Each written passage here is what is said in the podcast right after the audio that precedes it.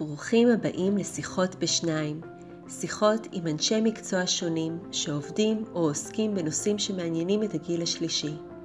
נעים מאוד, שמי מירית הופמן, אני אימא לשלושה אוצרות, עורכת דין ומנחה לגיל השלישי. אני חברה בארגון בינלאומי של נאמנויות, מרצה על צוואות וייפוי כוח מתמשך, וכותבת באתרים שונים ברשת על מערכת היחסים בין ילדים להוריהם המבוגרים, ועל הצרכים היומיומיים של המשפחה הבין-דורית.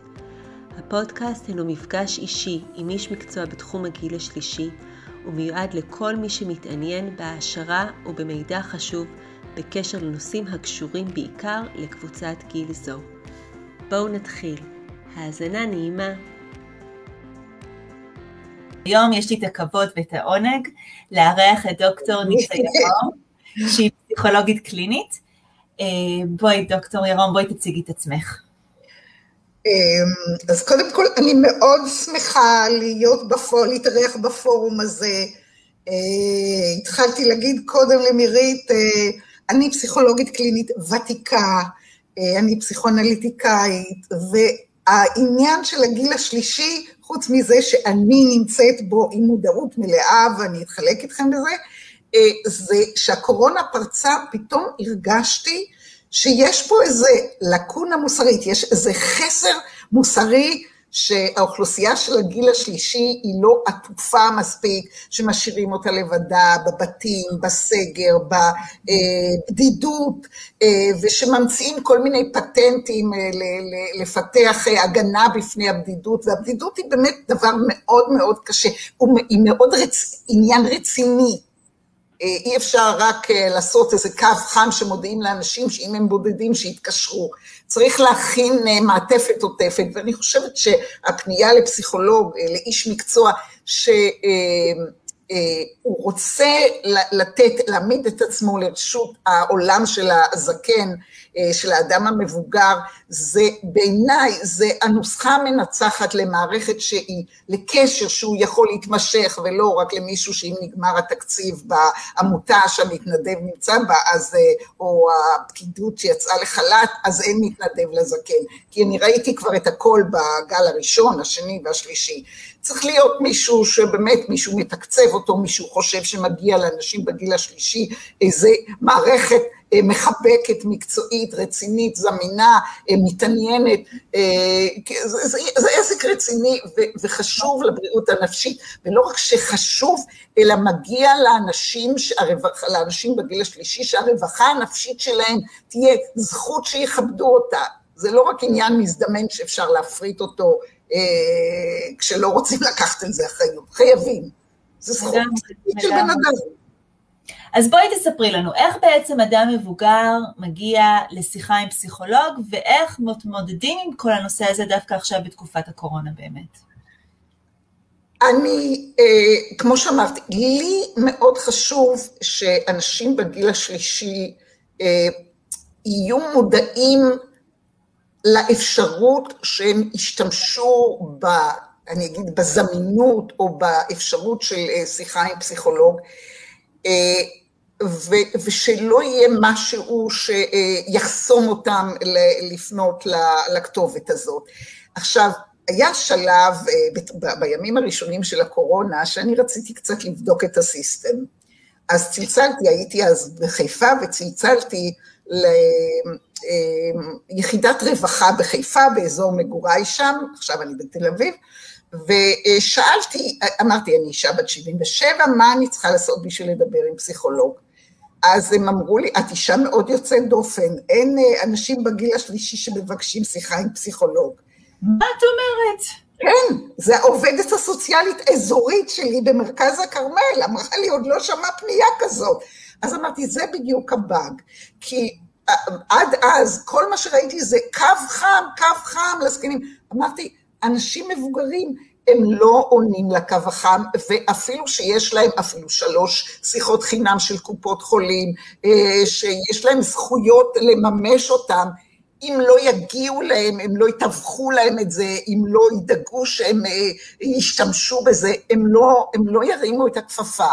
הם מפחדים מטכנולוגיה, אה, אולי הם אף פעם לא דיברו עם פסיכולוג ויש להם איזו דעה קדומה. זאת אומרת, יש כל מיני דברים, ויש גם... אפילו חוסר אנרגיה, אפילו שאתה במצוקה, אז מה, תתחיל לטלפן, אבל אם הוא בא אליך, אם הוא מציג את עצמו, אם המנהל של בית אבות, או של אה, אה, אב הקהילה בקהילה, או מישהו שבא איתך, או רופא המשפחה, או מישהו שמכיר אותך, יגיד לך, יש פה פסיכולוג, או פסיכולוג, אה, מישהו יגיד לו, יש פה מישהו ש...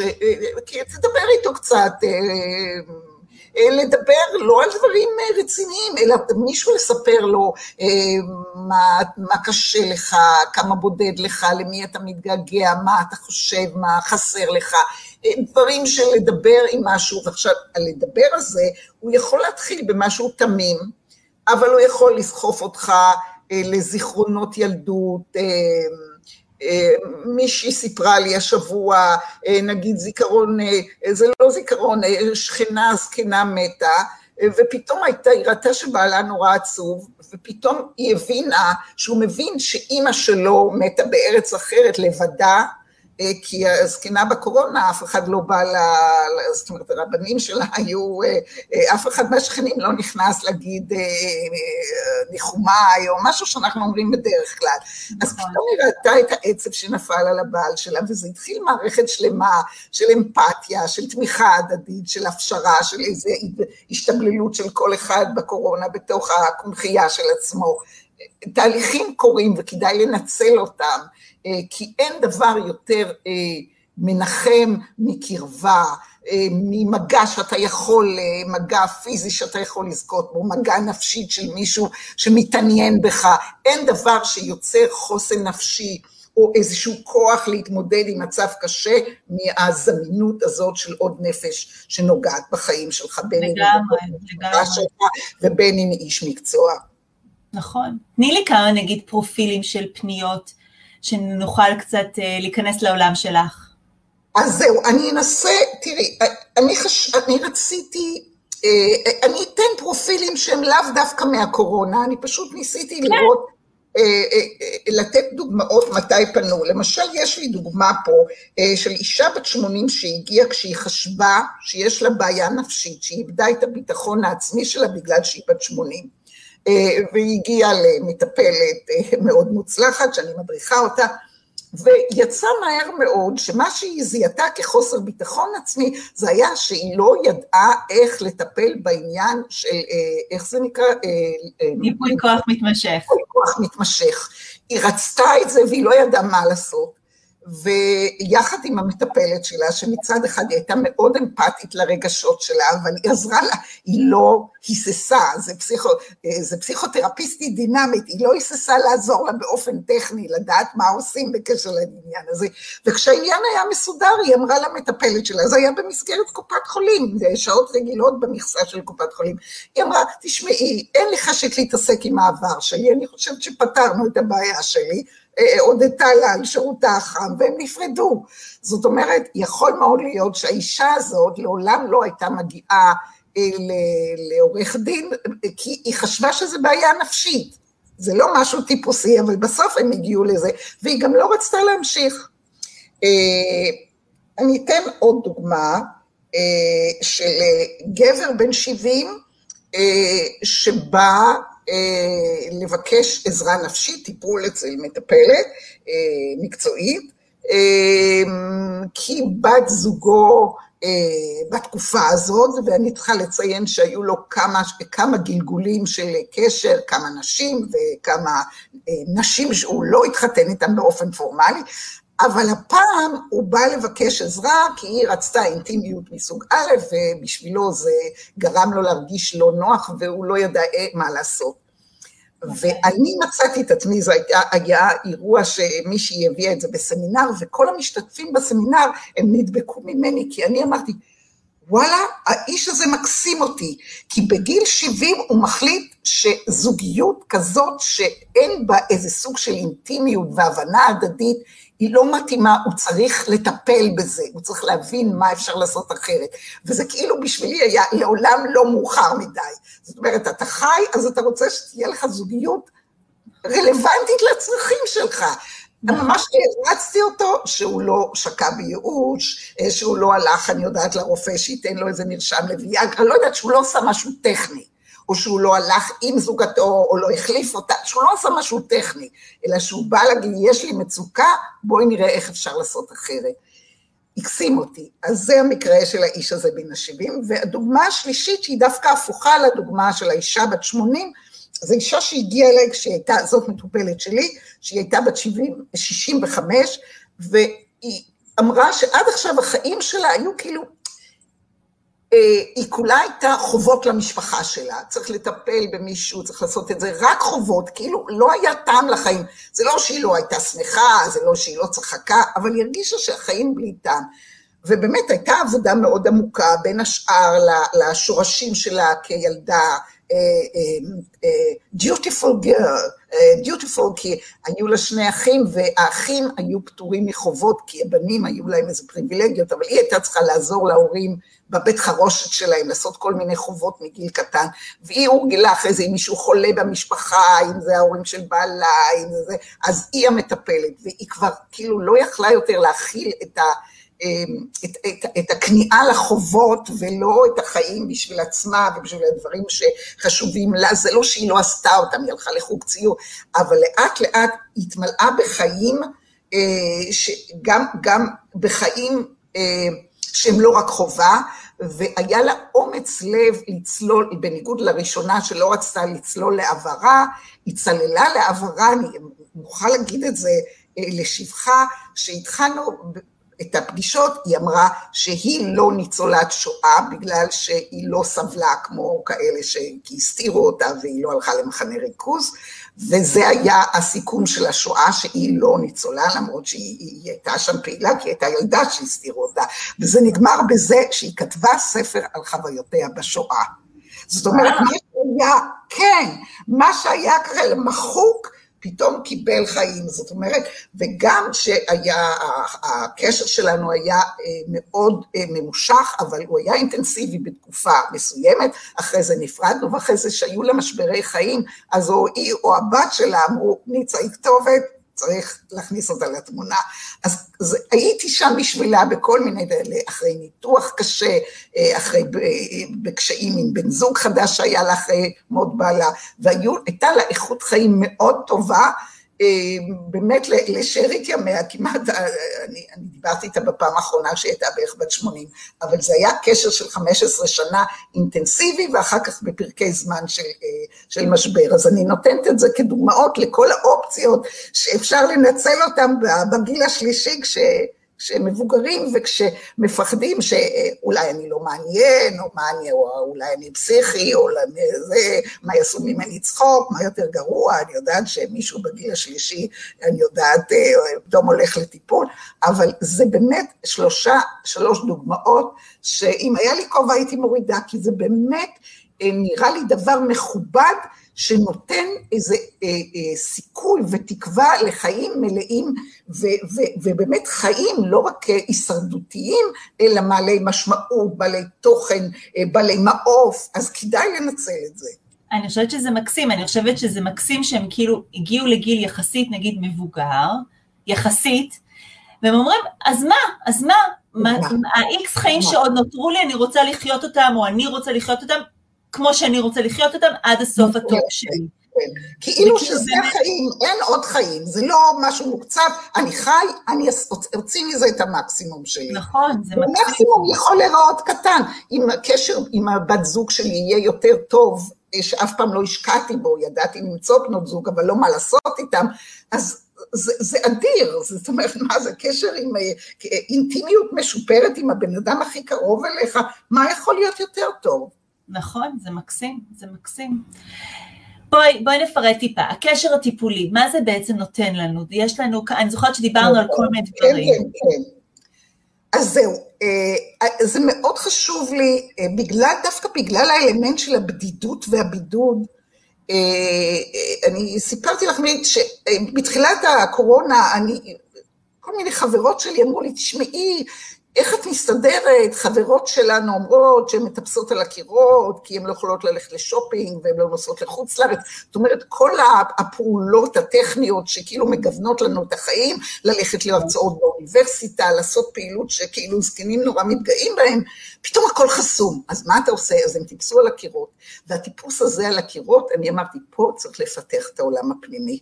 אתה יכול לחשוב, להיזכר, לנתח אפילו את התחושות של הבדידות. אם זה נעים, על מה אתה יכול לחשוב, מה עולה בזה, למי אתה מתגעגע, אה, מה אתה יכול לעשות עם הגעגוע הזה, איך אתה יכול ליהנות מהגעגוע, אה, שזה נותן לך כל מיני אה, זיכרונות או כל מיני מסקנות שיכול להיות שפספסתי בקשר הזה והייתי רוצה לעשות את זה קצת אחרת, כל מיני כאילו קצת, קצת להתבונן מעצמך ולהתעניין בהתבוננות הזאת, כי בסך הכל זה אתה והעולם שלך והביוגרפיה שלך, זה הדבר הכי מעניין בעולם בעיניי.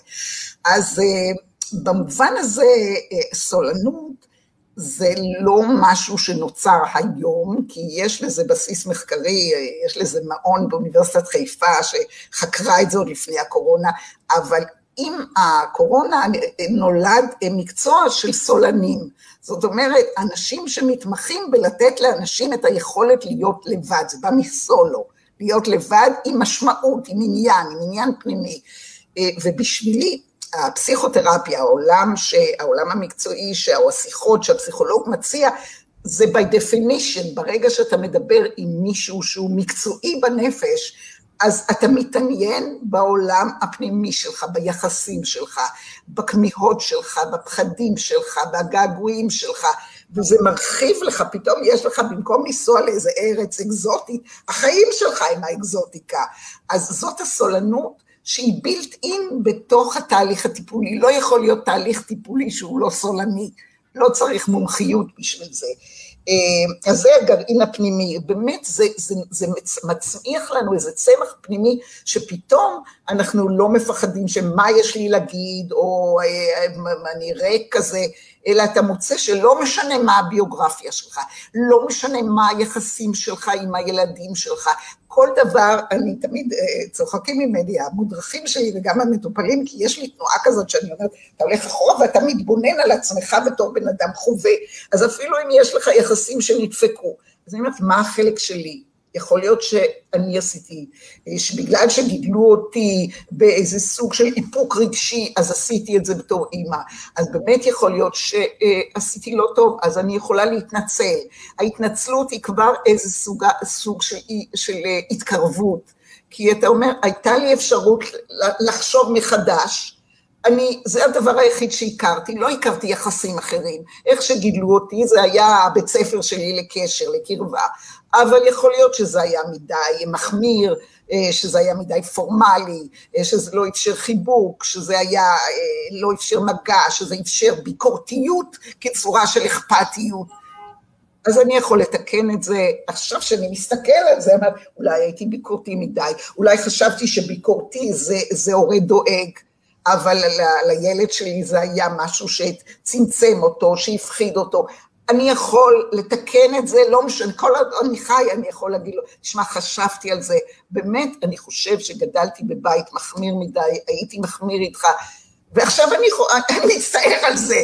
זאת אומרת, זה משהו שיכול לקרב מעצם ההתבוננות הזאת על דבר נכון. שהיה. עכשיו זה הזמן, ועכשיו זה הזמן באמת, הקורונה באמת נתנה לאנשים את הספייס הזה, מכיוון שהם לא יכולים באמת לצאת לשום. ממש, זה space, שיש לך איזו נקודת מבט שפתאום אתה לא רץ לשום מקום, ואתה יכול לחשוב ולהתבונן, אנחנו קוראים לזה, נגיד, בפסיכואנליזה זה האני המתבונן על האני החווה. אתה מסתכל, זה אתה, אבל בשתי פונקציות, וזה מרתק. נכון, נכון. וזה גם משנה דברים. נכון. את יודעת, אני יודעת שיש אנשים, למשל בתקופת הקורונה, דווקא אנשים מבוגרים, שהתחילו לכתוב את הממואר שלהם. בגלל נכון. שזה באמת נותן להם את הזמן, כי, כי סך הכל אין להם משהו, אין להם את האפשרות באמת לצאת, אז הם מתבוננים עם עצמם והם כותבים. בדיוק, ופתאום החיים שלך מקבלים נפח, אתה לא רק קם בבוקר ועושה דברים טכניים, עושה ארוחת בוקר, או עושה אה, אפילו שיעורי התעמלות אה, לפי הזום, או מה שלא יהיה. לא, אתה, אתה מפעיל, זה הגרעין הפנימי. ואני מוכרחה להגיד שאין דבר שיותר נותן תחושה של חיוניות מבן אדם שפתאום מתחשק לו, שפתאום מעניין אותו, שפתאום הוא שואל את עצמו שאלות, זה לא חיטוט, זה, זה עבודה פנימית מענגת, אני מנסה למכור את הסחורה הזאת כי זה באמת ככה. אה, אני מנסה לראות אה, על המזון שזה חוסן לבדידות, זה ממש חוסן לבדידות, וזה גם אה, אה, מזון לקשר זוגי, כי אם נתתי קודם את הדוגמה הזאת של זוג שמשתבלל לו, כי כל אחד סובל מזה שפתאום אין לו את כל הדברים שהוא רגיל אליהם, הבעל, אם הוא שוחה או הולך לחדר כושר, והאישה, אה, אם היא יושבת עם חברות שלה בבית קפה, אין חברות, אין בית קפה, אין בריכה, אין, אה, אין חדר כושר, ואתה יושב לך מצומצם, ואת זה צריך להפוך לאיזו אינטימיות שמפיקים את, את, את המיץ מה, מה, מהפוטנציאל שלה, כי אתה לא לבד, אז יש זוגות שפתאום, אני מכירה זוגות שהיו רבים או שהיו מאבקי כוח, מי יותר חכם, מי אה, יותר מתמצא, מי יותר פרקטי ויש לו תמיד פתרונות יותר טובים, ופתאום התחרות הזאת של מי עושה מה, פתאום אתה מגלה איזה מזל, אני לא לבד בבית, אני לא רואה עכשיו את אף אחד, אפילו השכנים לא נכנסים, אבל יש לי מישהו להגיד לו, תשמע, יש חדשות בו, לראות איזה סרט אה, בנטפליקס ולהגיד, אתה ראית, היא זאתי, בסוף הוא מתחתן איתה, לא יודעת מה, לדבר איתו. נכון. שזה או לצאת לטיול בתוך הקילומטר עם מישהו הולכים יד ביד, אתה לא לבד בעולם, פתאום אתה מעריך את הבן זוג שלך, שקודם לקחת אותו for granted, או חשבת שיש לו רק ערך בלריב איתו, פתאום יש משהו שמשתנה, ואם זה לא קורה מעצמו, אז הראיתי לכם את האופציה הזאת של איזה סוג של insight שפתאום אתה מבין שאני למשל, יכול להיות שאת המרירות שלי, שאני לא יוצאת לבית קפה, או שאני יודעת שפתאום אה, אה, הוא מעיר לי ואני מוציאה עליו איזה כעסים שיש לי או בגלל הקורונה, או שפתאום יש לי איזה אה, חשבון נפש עם עצמי, ואני אומרת, הייתי ילדה כנועה, מה, אני אהיה גם אישה כנועה? אז אם הוא יגיד לי, מה, את יוצאת מהחדר ואת לא סוגרת את האור, אז אני אגיד לו, מה, גם אתה מעיר לי? אמא שלי העירה לי ואתה תעיר לי. אז את, את, את הרגזונות האלה, אם אנחנו מתבוננים עליהם, אז אנחנו יכולים לקחת את זה אה, למקומות של להגיד, נכון, שנינו באנו מבתים שאת, שהביקורתיות הייתה הלחם. אז זה הופך להיות משהו מקרב, משהו של שנינו, במקום נכון. שהוא יהיה השק אגרוף שלך. אז זה, זה, זה, ראיתי את זה, זה ממוסס, זה מוסס רג, אה, זוגות שחשבתי שלעולם לא יכולים להתקרב, זה מוסס. זה מקסים, זה ממש טוב. תגידי, כן. בואי תקראי לי קצת, מה דעתך על המונח זקן? אני יודעת, אני אישית, הרבה פעמים כותבת פוסטים ומכניסה את המונח זקן, אבל מבחינתי זה מונח של כבוד, הדרת פני זקן. והיו אנשים בגיל המבוגר, שמאוד נעלבו מהמונח הזה, זה כן, מה פתאום תכתבי משהו אחר, תשני את המונח הזה. בתור מישהי שבקטגוריה של אנשים, איך את מתייחסת לזה? אני, אני באמת, אה, אני מרגישה כמעט אישה עם שליחות, ואני אומרת אישה כי אני חושבת ש...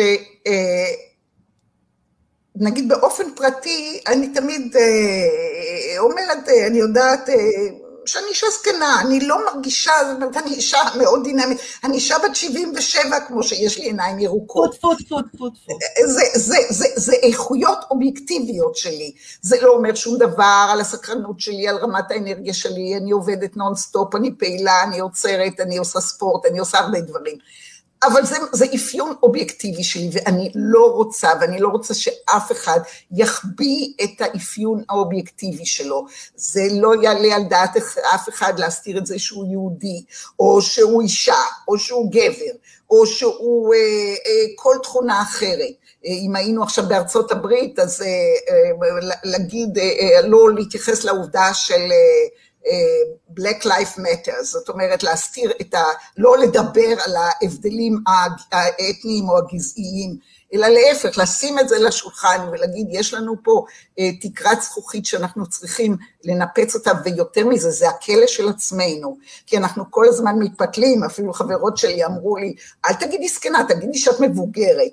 אה, ראיתי אצל אנשי מקצוע שממש, הם לא יכולים להגיד, הם יגידו אה, זקנה, אבל הם לא יגידו זקן, ואת מרגישה שהם לא יכולים להתקרב למילה הזאת. אני אומרת, אנחנו מוכרחים לנפץ את זה כי זה אנחנו, וכל אנרגיה מיותרת בלעקוף משהו נפשי, היא תמיד לוקחת לנו, היא גובה מאיתנו אנרגיה למשהו קונסטרוקטיבי. אז לי עדיף אה, אה, להגיד, תשמעו, אני, אני זקנה על פי גילי, קודם כל, אז זה גם מסדר לי שיש לי אה, מודרכים, חברים מכל קשת הגילים. אני לא שמה את זה בכל מקום שאני אומרת, אני זקנה, כי לרוב, אם, אם יש לי מודרכת, אה, בת שלושים וקצת, שמציגה אותי בתור חברה שלה, אז אני אומרת, זכיתי, כי אני אומרת, היא מודרכת שלי, והיא אומרת, ניצה היא החברה שלי. זכיתי בחברה כמו ניצה. זאת אומרת, זה, זה איכות של הקשר הנפשי. הגיל פה הוא נעשה שולי, כי אם יש קרבה, ואם יש דאגה הדדית, אז זה כמעט, אני יודעת, היא אמרה לי פעם, איך זה התחיל הקשר הרגשי? סיפרתי לה שאני, יש לי ממש, וזה עניין גילי, יש לי ממש אה, טכנופוביה. ו, ובפעם הראשונה, בפעמים הראשונות שהייתי צריכה להתחבר בזום, אז מישהי, אה, אה, חברה, עמיתה שלי, הזמינה אותי להיכנס לערב שירה בזום, של אחת מהקבוצות המקצועיות, והיא אומרת לי, את רואה כבר כולם בקבוצה של הקריאת שירה. אז אמרתי לה, אני לא רואה כלום, תהני מהערב שירה, ואני הרגשתי כמו החללית שהולכת לאיבוד בחלל, וזה הסוף שלי, אני כבר לא אהיה בשום קשר עם חללית, הם עלו לי החרדות הקטסטרופיות הכי איומות, שממש אני מתנתקת מהציוויליזציה. וכשסיפרתי את זה להדס, למודרכת הצעירה הזאת, שאני חברה שלה והיא חברה שלי, היא אמרה, אני שם בשבילך, את תמיד יכולה לצלצל אליי ואני אעזור לך עם זה. זאת אומרת, זה לימד אותי את הצניעות של לבקש עזרה כמפתח לקשר, כמפתח לקרבה, כי אנשים רוצים לעזור. אני שמתי לב שהם ממש רוצים, זה נותן להם איזושהי הרגשה, איזו הזדמנות אה, לעשות משהו טוב, מוסרי, ואני כן התחלתי להאמין בטוב האנושי, וזה גם מחזק את הקשר. זאת אומרת, עכשיו אין ספק שאם היא תצלצל אליי בכל שעה ותגידי, תשמעי, הציעו לי עבודה נורא זה, ולא נעים לי לעזוב את העבודה הנוכחית שלי, אז אני אומרת, תגידי לי בדיוק איפה את נמצאת, על מה זה מדובר, ואני הולכת, זאת אומרת, זה נוצרה הדדיות בינינו. אז אני אומרת, העניין הזה הוא אובייקטיבי של הקשיים הטכנולוגיים, אבל היכולת לבקש עזרה, לשים את זה על השולחן, השולחן, להגיד, לזה אני לא מסוגלת, כאן זה נורא מפחיד אותי, פה אני חושבת שניתקתי אה, מנירית ואני לא אהיה איתכם בקשר לעולם, ונירית אומרת, אין דבר, בטלפון אני אדריך אותך. אז הנה, אנחנו זכינו לתוכנית הזאת. הנה, את רואה, זה מה שרציתי להעלות, שפחדת להיכנס דרך סטרים. נורא, נורא. עכשיו עוד משהו שאת יודעת לעשות. זה, זה, אבל האמון שלי שאתה, מירית, האמון שלי שתעזרי לי, שאני אמרתי לך את זה, והאמון שלי שתעזרי, זה כבר יוצר את הקשר. נכון. זה נראה כאילו שזה מגבלה, מה, אני אגיד שאני לא יודעת, שאני מטומטמת? אני, שאני יודעת כל כך הרבה דברים, פתאום את האלף-בית הזה שכל תינוק יודע, אני לא יודעת, זה ממש משפיל אותי. אבל לא, למדתי להפוך את זה למשהו, תשמעו, בגילי, יש דברים שאני כבר קשה לי ללמוד. למדתי את זה עד מקום מסוים, אבל מעבר לזה אני צריכה עזרה, וכשעוזרים לי, אז זה כאילו קשר שהולך ונבנה, הרווחתי. נכון, שנינו הרווחנו, אני חושבת. הרווחנו, בדיוק, נכון? זה ממש מרגיש שמשהו נבנה, לא שמשהו, אה, אה, שאת חושבת עליי דברים לא טובים בגלל שאני לא טובה. נכון, נכון, וזה באמת, באמת מסקנה מאוד יפה, שלבקש עזרה זה לא צריך לבוא כנקודת חולשה, אלא לגמרי. פשוט כנקודה. זה, לא, זה צעד לא ראשון לקשר חדש, באמת, זה צעד ראשון לקשר, באמת. אני מסכימה, אני מסכימה. תקשיבי, החצי שעה עברה ככה, ולא נגענו בקצה הקרחון של כל מיני שאלות שהייתי רוצה לשאול אותך, כי, כי זו שיחה מרתקת ממש. תודה שהאזנתם לעוד פרק בפודקאסט שיחות בשניים. אני מקווה שנהניתם ושהועשרתם בידע חשוב. אל תשכחו להקליק על follow או subscribe כדי שתוכלו להתעדכן בפודקאסטים הבאים. וכמובן תשתפו הלאה ותזמינו חברים להאזין כדי שגם הם יוכלו ליהנות מהשיח כאן. אתם גם מוזמנים לבקר באתר שלי lawmirit.com ולעקוב אחריי בפייסבוק למידע נוסף ולידע משפטי בנוגע להעברה הבין-דורית ולצרכים השונים של אוכלוסיית הגיל השלישי. אני כבר מחכה לכם עם הקפה בפודקאסט הבא.